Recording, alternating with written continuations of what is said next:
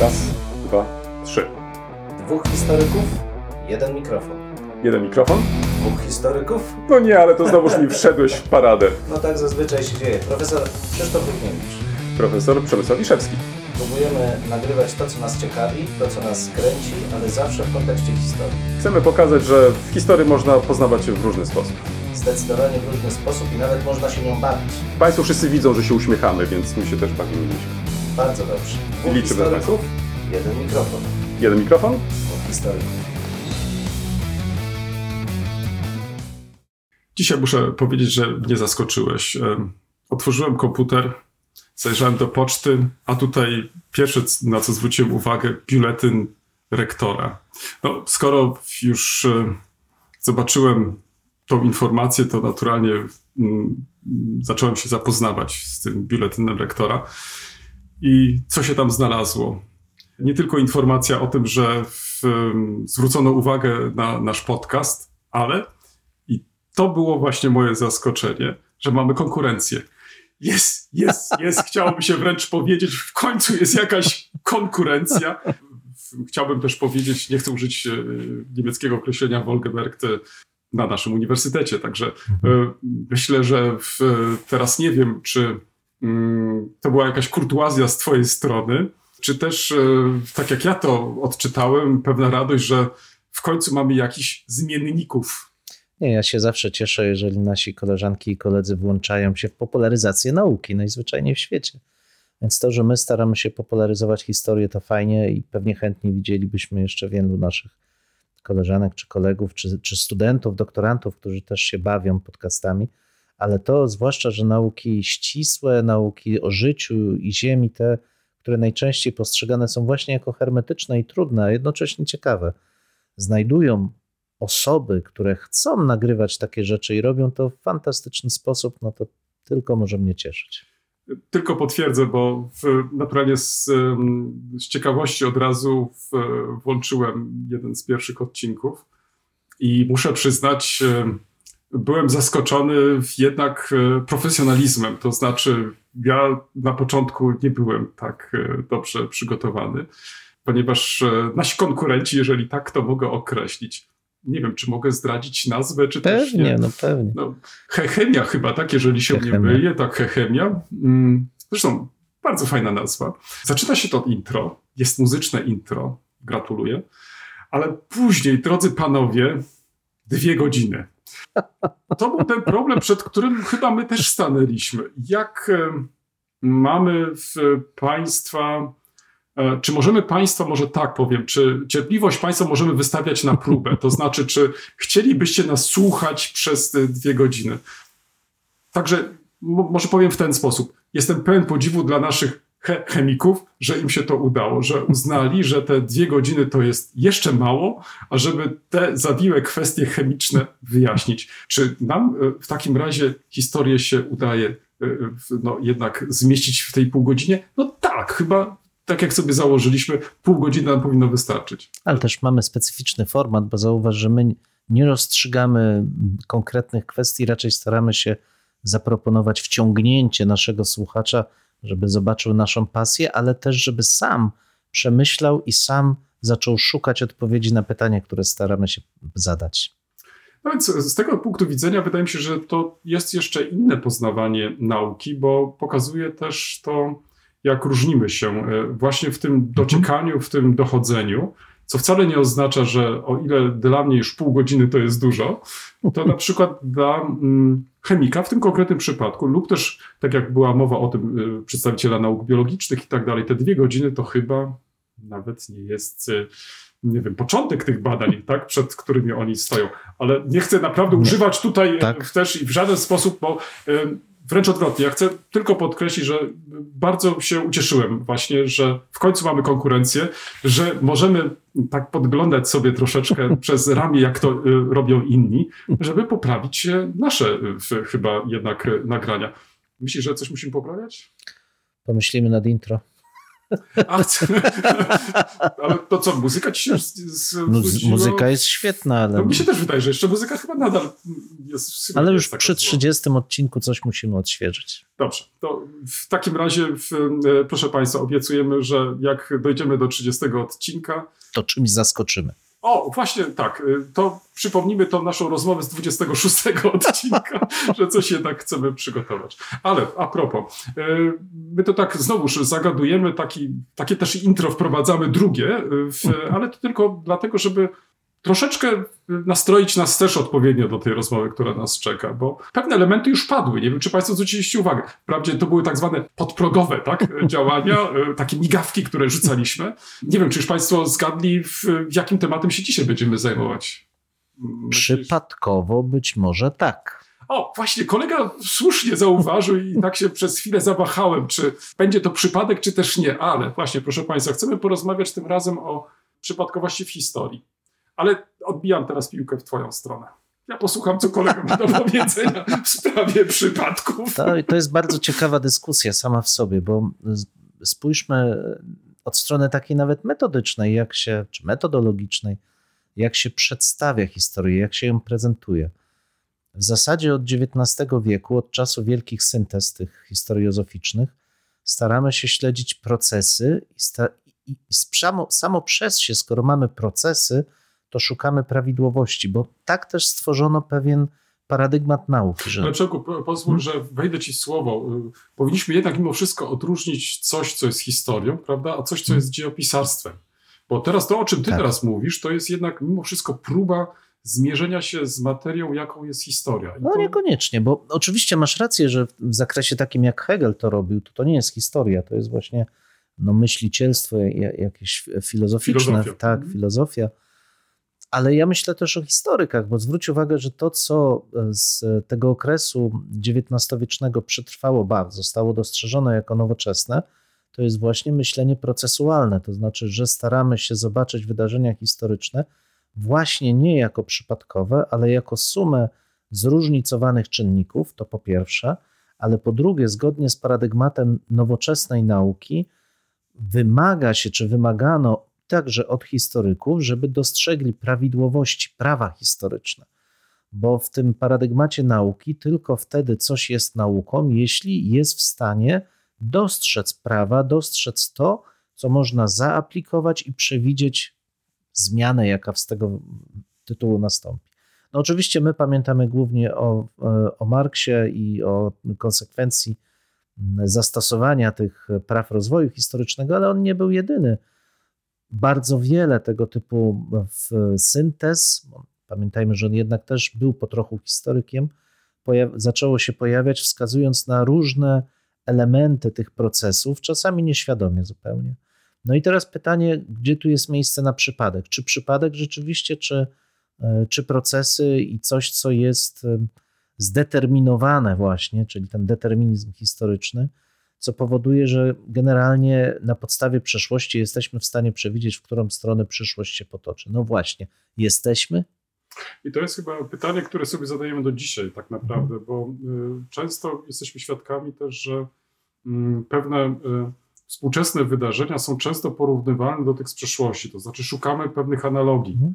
E, Mnie się wydaje, że to jest bardzo taki naturalny proces, bo szukamy jakiegoś takiego odpowiednika, chcemy y, zrozumieć może lepiej ten świat poprzez już znane instrumenty. E, Je po prostu przywołując, Mhm. e, dobieramy to i staramy się odpowiedzieć na to pytanie, czy faktycznie mamy do czynienia z czymś takim jak powtórzenie się historii, właśnie myśląc o tych prawidłowościach, czy też po prostu nie. I mnie się wydaje, że mm, to jest e, kwestia, z którą chyba do dzisiaj jakoś tak nie poradziliśmy sobie, bo taka łatwość, zresztą wystarczy wziąć pierwsze lepsze medium do ręki, czy to będzie na przykład, no nie wiem, jakaś strona internetowa, czy nawet gazeta, to bez problemu znajdziemy na przykład odwołania, czy do okresu e, przykładowo, nie wiem, II Rzeczpospolitej, czy nawet e, jeszcze dalej, jeżeli chcielibyśmy zostać tylko przy tematach polskich, I Rzeczpospolitej. Dalej, że coś mamy od Hama, coś mamy Mhm. od kogoś innego i Bóg wie e, kogo jeszcze. I mnie się wydaje, że z jednej strony mamy do czynienia z taką chęcią e, jednak e, uporządkowania sobie, wytłumaczenia też tego, co się dzieje teraz, za pomocą właśnie przeszłości, historii, No ale y, no właśnie, czy, czy, czy, czy jest to wystarczające? Czy to jest po prostu e, mm, e, odpowiedzenie na złożone? Czy to uciekanie do przeszłości nie jest jednak mimo wszystko takie bardzo płytkie i takie bardzo, mm, bym powiedział, um, uproszczone, bo nie chcemy się być może zmierzyć z tą rzeczywistością i chcemy na przykład myśleć też o przyszłości, tylko właśnie wydaje nam się, że ten klucz do zrozumienia tej teraźniejszości właśnie leży w przeszłości. No wiesz, generalnie moim, tak jak ja to widzę, to moment, w którym społeczeństwa wracają do przeszłości, jest takim sygnałem, że jest głęboka trauma w społeczeństwie, jest głęboki problem ze zmierzeniem się ze współczesnością. Bo jeśli znamy rozwiązania, jeśli ten świat toczy się tak, jak uważamy, że w zasadzie toczyć się powinien, to traktujemy przeszłość jako pewien rezerwuar, jako coś, do czego odwołujemy się w celach kulturowych, żeby pewne wartości przekazać, mieć taki odpowiedni wehikuł do przekazywania tych wartości. Ale kiedy zaczyna się taka trauma społeczna, czyli nie znajdujemy wyjścia z trudnej sytuacji, w sposób zupełnie naturalny zaczynamy szukać rozwiązań. No okej, okay, jesteśmy w tej sytuacji, jak to kiedyś zrobiono, czy może się to uda, może ten sposób zadziała. Wielkością ludzkiego gatunku jest to, że jego pamięć nie jest jednostkowa, to znaczy, że my dzielimy pamięć. Dzielimy, zbiorowa. Dokładnie tak. I że dzięki temu możemy odwołać się do miliardów wariantów zachowań. Poprzez to też my jesteśmy w stanie, nawet próbując, znaleźć odpowiednie rozwiązanie. Więc to czyni z człowieka wyjątkowy rzeczywiście gatunek, który szybko się uczy, szybko się adaptuje, jest w stanie doprowadzić do rozwiązania nawet bardzo trudnych sytuacji społecznych. Ale gdyby ktoś się mnie zapytał, no dobrze, ale to znaczy, że są pewne prawidłowości i w związku z tym wy odnajdujecie te prawidłowości, potraficie je zaaplikować i, i sprawić, że będzie wiadomo, jak wygląda przyszłość. Ja bym powiedział, że z dwóch powodów jest to dla mnie nie do zaakceptowania, pomijając fakt, że każdy, kto zajmuje się historią, to widzi, gdzie są takie punkty, których jeden fakt potrafiłby zmienić ten bieg historii. Czasami bardzo, czasami mniej. Katastrofa w Gibraltarze chociażby, śmierć generała Sikorskiego, ale ba, fakt, że Lenin jednak przejechał tym pociągiem i wjechał do Rosji tuż przed e, rewolucją. Gdyby nie wjechał, gdyby nie wywiad niemiecki, gdyby coś się stało, kto wie, jak wyglądałyby dzisiaj losy w ogóle całego świata, nie tylko, nie tylko Europy. I to tylko te takie e, współczesne przykłady, a przecież historia jest ich pełna, ale zmierzam też do tego, że problem z przewidywaniem przyszłością, czy przypadkiem, być może też przypadkiem jest i taki, że musimy się zmierzyć z naszą ograniczoną wiedzą że człowiek, jakkolwiek wielki i wspaniały, jest ograniczony. To znaczy, liczba danych, które my przyswajamy ze złożonego świata, jest ograniczona. Nie jesteśmy w stanie stworzyć modelu pełnego, w którym wiemy wszystko o wszystkim, bo być może wtedy więcej potrafilibyśmy zrobić. I to jest jedna rzecz. A druga rzecz, czy jest coś takiego jak wolna wola człowieka, to znaczy podejmowanie decyzji w sposób kompletnie irracjonalny z punktu widzenia tak, takich czynników, które już znamy i które powinny doprowadzić do pewnych działań. Z tych dwóch powodów uważam, że historia dostarcza bardzo ważnych wskazań, potrafi nam bardzo wiele powiedzieć, potrafi nam naprawdę pomóc rozwiązywać e, nasze problemy, ale uważam, że to przypadek bardzo często, wolna wola, decyduje o tym, w jaki sposób faktycznie ten bieg dziejów, te zmiany społeczne przebiegają. Ale czy chcesz tym samym powiedzieć, że historia jest nieprzewidywalna? Bo to jest też po części pewnie ta odwrotność, przewidywalność i nieprzewidywalność historii, czyli mhm. inaczej moglibyśmy też określić to jako ta przypadkowość. Czy to oznacza, że musimy się z tym liczyć? Ja myślę, że tak. To znaczy, że nawet też w opisie my możemy, zwłaszcza w przypadku tych wydarzeń, co do których e, e, niektóre źródła milczą, ale znamy skutki tych wydarzeń, to mhm. jednak e, musimy dopuszczyć, dopuścić też możliwość, że takie wydarzenia mogły no, wydarzyć się nagle lub też po prostu w sposób nieprzewidziany, mhm. że mogły e, właśnie w takich, a nie innych okolicznościach zmienić ten bieg historii, chociaż wcale nic tak naprawdę nie wskazywało na to, żeby o, tak się stało. Oczywiście, że tak. No, naj, jedną z takich przyczyn, ojej, może być nawet koniec e, wojny siedmioletniej między Prusami, Austrią i Rosją, kiedy wydawało się, że Prusy padną, dzięki koalicji carskiej Rosji i w domu austro-węgierskiego, a nagle śmierć cara powoduje, że. Praktycznie koniec. historia całkowicie tak, się do góry nogami tak, opłaca. Tak, tak. I takich przykładów jest, e, przykładów jest więcej, więc moim zdaniem liczenie się z tymi wielkoskalowymi przemianami, z procesami społecznymi jest bardzo istotne, bo rzeczywiście w skali makro one wyznaczają pewien korytarz, jeśli można tak powiedzieć, zmian. Ale to wcale nie wyklucza, o czym rozmawialiśmy zresztą wcześniej, że decyzje jednostek, czyny jednostek mogą spowodować bardzo głębokie zmiany i są nieprzewidywalne. Czy w takim razie historia się powtarza? To znaczy, bo znowuż idąc tym tokiem rozumowania, można byłoby sądzić, że jeśli uwzględnimy ten charakter procesowy historii, no to y, nawet jeżeli uwzględnimy też to, o czym ty przed chwilą powiedziałeś, ten ograniczony jednak rezerwuar pamięci e, ludzkiej. To znaczy, że praktycznie na nowo musimy się uczyć pewnych e, zachowań, pewnych rzeczy. Pewnie inaczej będzie wyglądać ta sytuacja w chwili, kiedy będziemy mieli do czynienia ze sztuczną inteligencją i to właśnie ona wręcz mhm. maszynowo niejako będzie nam przypominać o takich czy innych mhm. rzeczach. Nie wiem, jak wtedy świat będzie wyglądać, ale mój Boże, być może jeszcze przekonamy się za naszego życia. Ale wracając do tego pytania, czy w takim razie historia może się po prostu powtarzać i czy to też nie jest takie bardzo tanie, to znaczy jakieś takie uproszczone też myślenie o historii, bo to, o czym my teraz mówimy i chyba do czego zachęcamy też, to przede wszystkim, żeby tą historię postrzegać jednak w jej wielowątkowości mhm. przy uwzględnieniu sytuacji zarówno tych procesowych, co do których myślę, że jesteśmy e, tutaj e, zgodni, ale też i takie, które wykraczają poza tą właśnie procesualność. Przykładem chociażby też e, tego jest to, w jaki sposób traktujemy niektóre cezury, początkowe czy też końcowe. I to wszystko też zależy od tego, z jakiego punktu będziemy rozpatrywać te cezury. Czy to będzie płaszczyzna polityczna? Oczywiście możemy wskazać na przykład rządy takiego czy innego władcy, czy też na przykład takiego czy innego polityka. Ale jeżeli z kolei uwzględnimy na przykład procesy gospodarcze, to trudno będzie te procesy zamknąć e, w okresie na przykład rządów.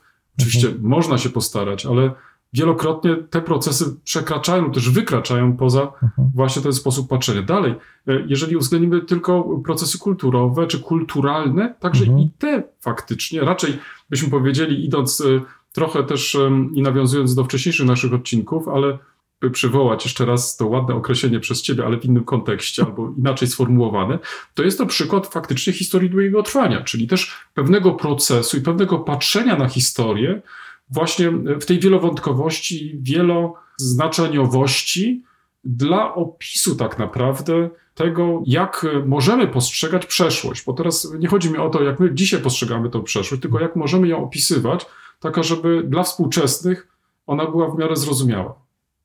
Ale właśnie jak opisywać? Znaczy, czy możemy opisywać tylko mając na uwadze nasze myślenie o tej przeszłości, czy też szukać innych form narracji? No wiesz, to, to, to już są zagadnienia takie, które jakby przesuwają nas w innym kierunku tych naszych e, rozważań, ale zgadzam się w, z Tobą, że problem jest ważny też z punktu widzenia tego dylematu, proces czy przypadek, e, wola jednostki. No bo zazwyczaj jednak te nasze narracje, współczesne narracje historyczne, mimo wszystko bardzo mocno osadzają się w tym myśleniu procesualnym. I to też jest zrozumiałe, bo to, od czego wyszedłeś, czyli dlaczego szukamy tego, mm, tego poczucia jakiejś wiedzy, panowania nad światem w historii. No właśnie dlatego, że szukamy bezpieczeństwa. To znaczy, że jesteśmy ograniczeni, wszystkiego nie wiemy, bardzo niewiele de facto każdy z nas wie i staramy się w, odnaleźć w autorytetach wśród ludzi, którzy już pewne normy wytyczyli, pewne granice pokazali, tą część, którą no już nie musimy się zajmować. No okej, okay, tak to mniej więcej, a, a ja zajmę się tym fragmentem, o którym mogę coś powiedzieć, o którym mogę coś zbadać.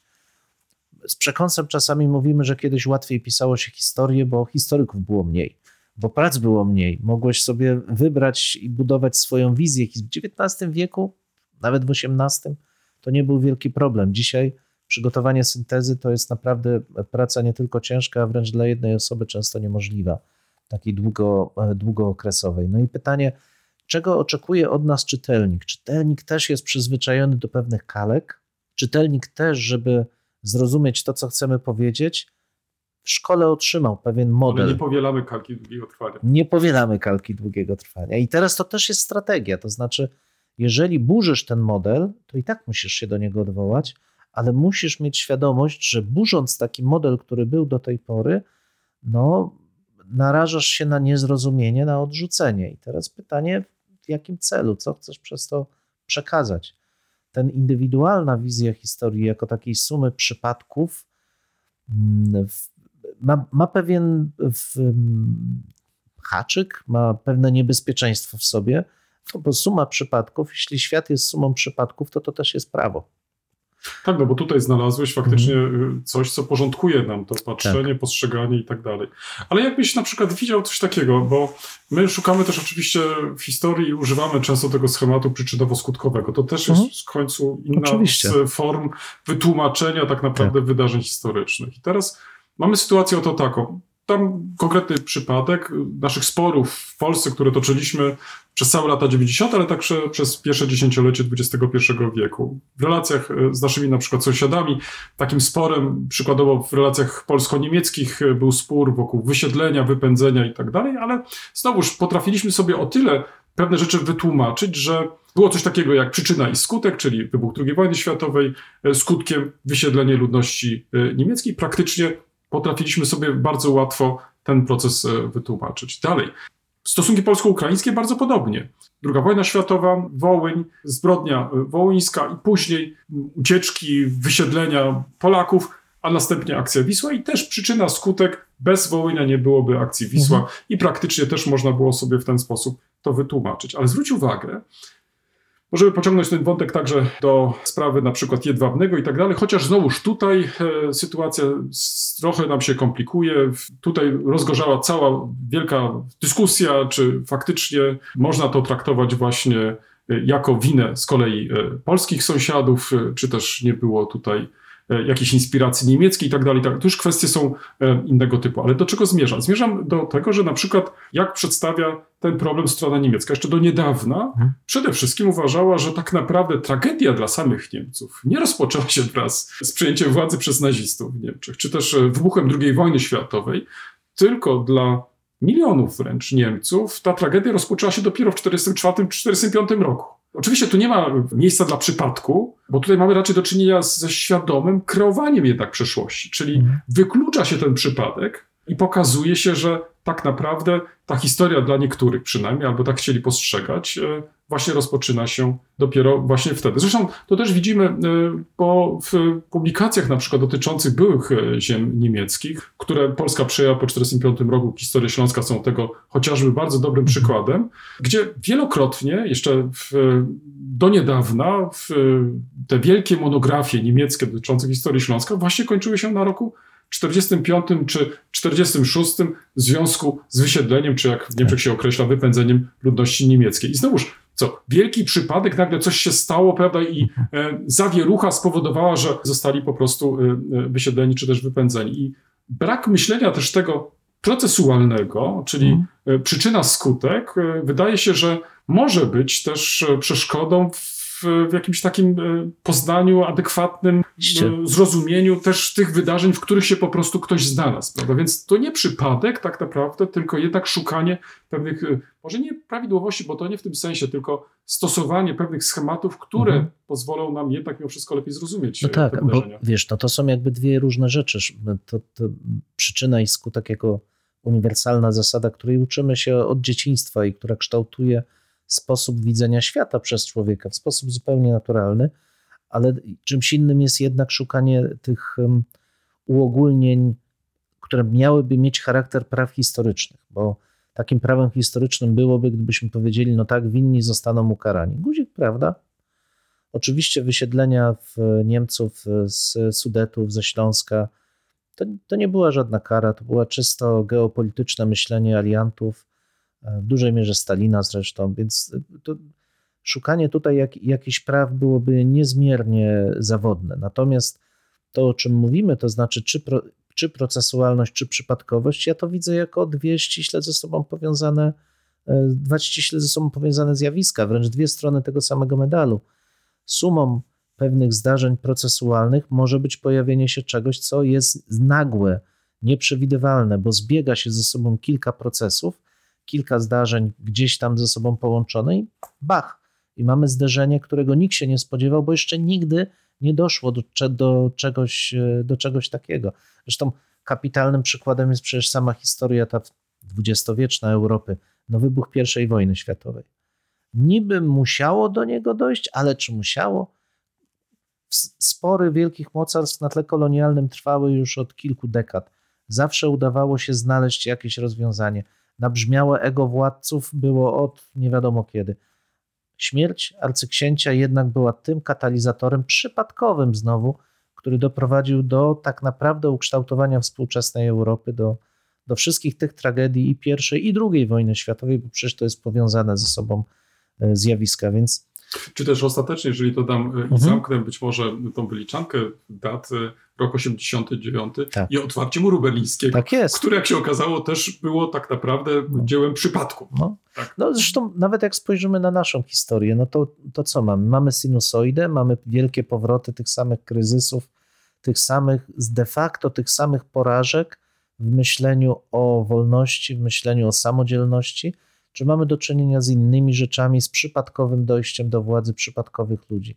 Tu bardzo trudno byłoby wybrać jedną opcję, moim zdaniem. Po prostu historia, tak jak mówiłeś, jest tak skomplikowana, że z jednej strony pozwala na to spojrzenie masowe, w cudzysłowie, ale z drugiej strony to decyzje jednostek potrafią odgrywać kluczowe znaczenie. Dlatego nikt nie jest pozbawiony wpływu na historię. Czy w takim razie nasze podcasty są przypadkowe? No, w części tak, ale z drugiej strony, kto wie, może zapoczątkują jakiś piękny proces.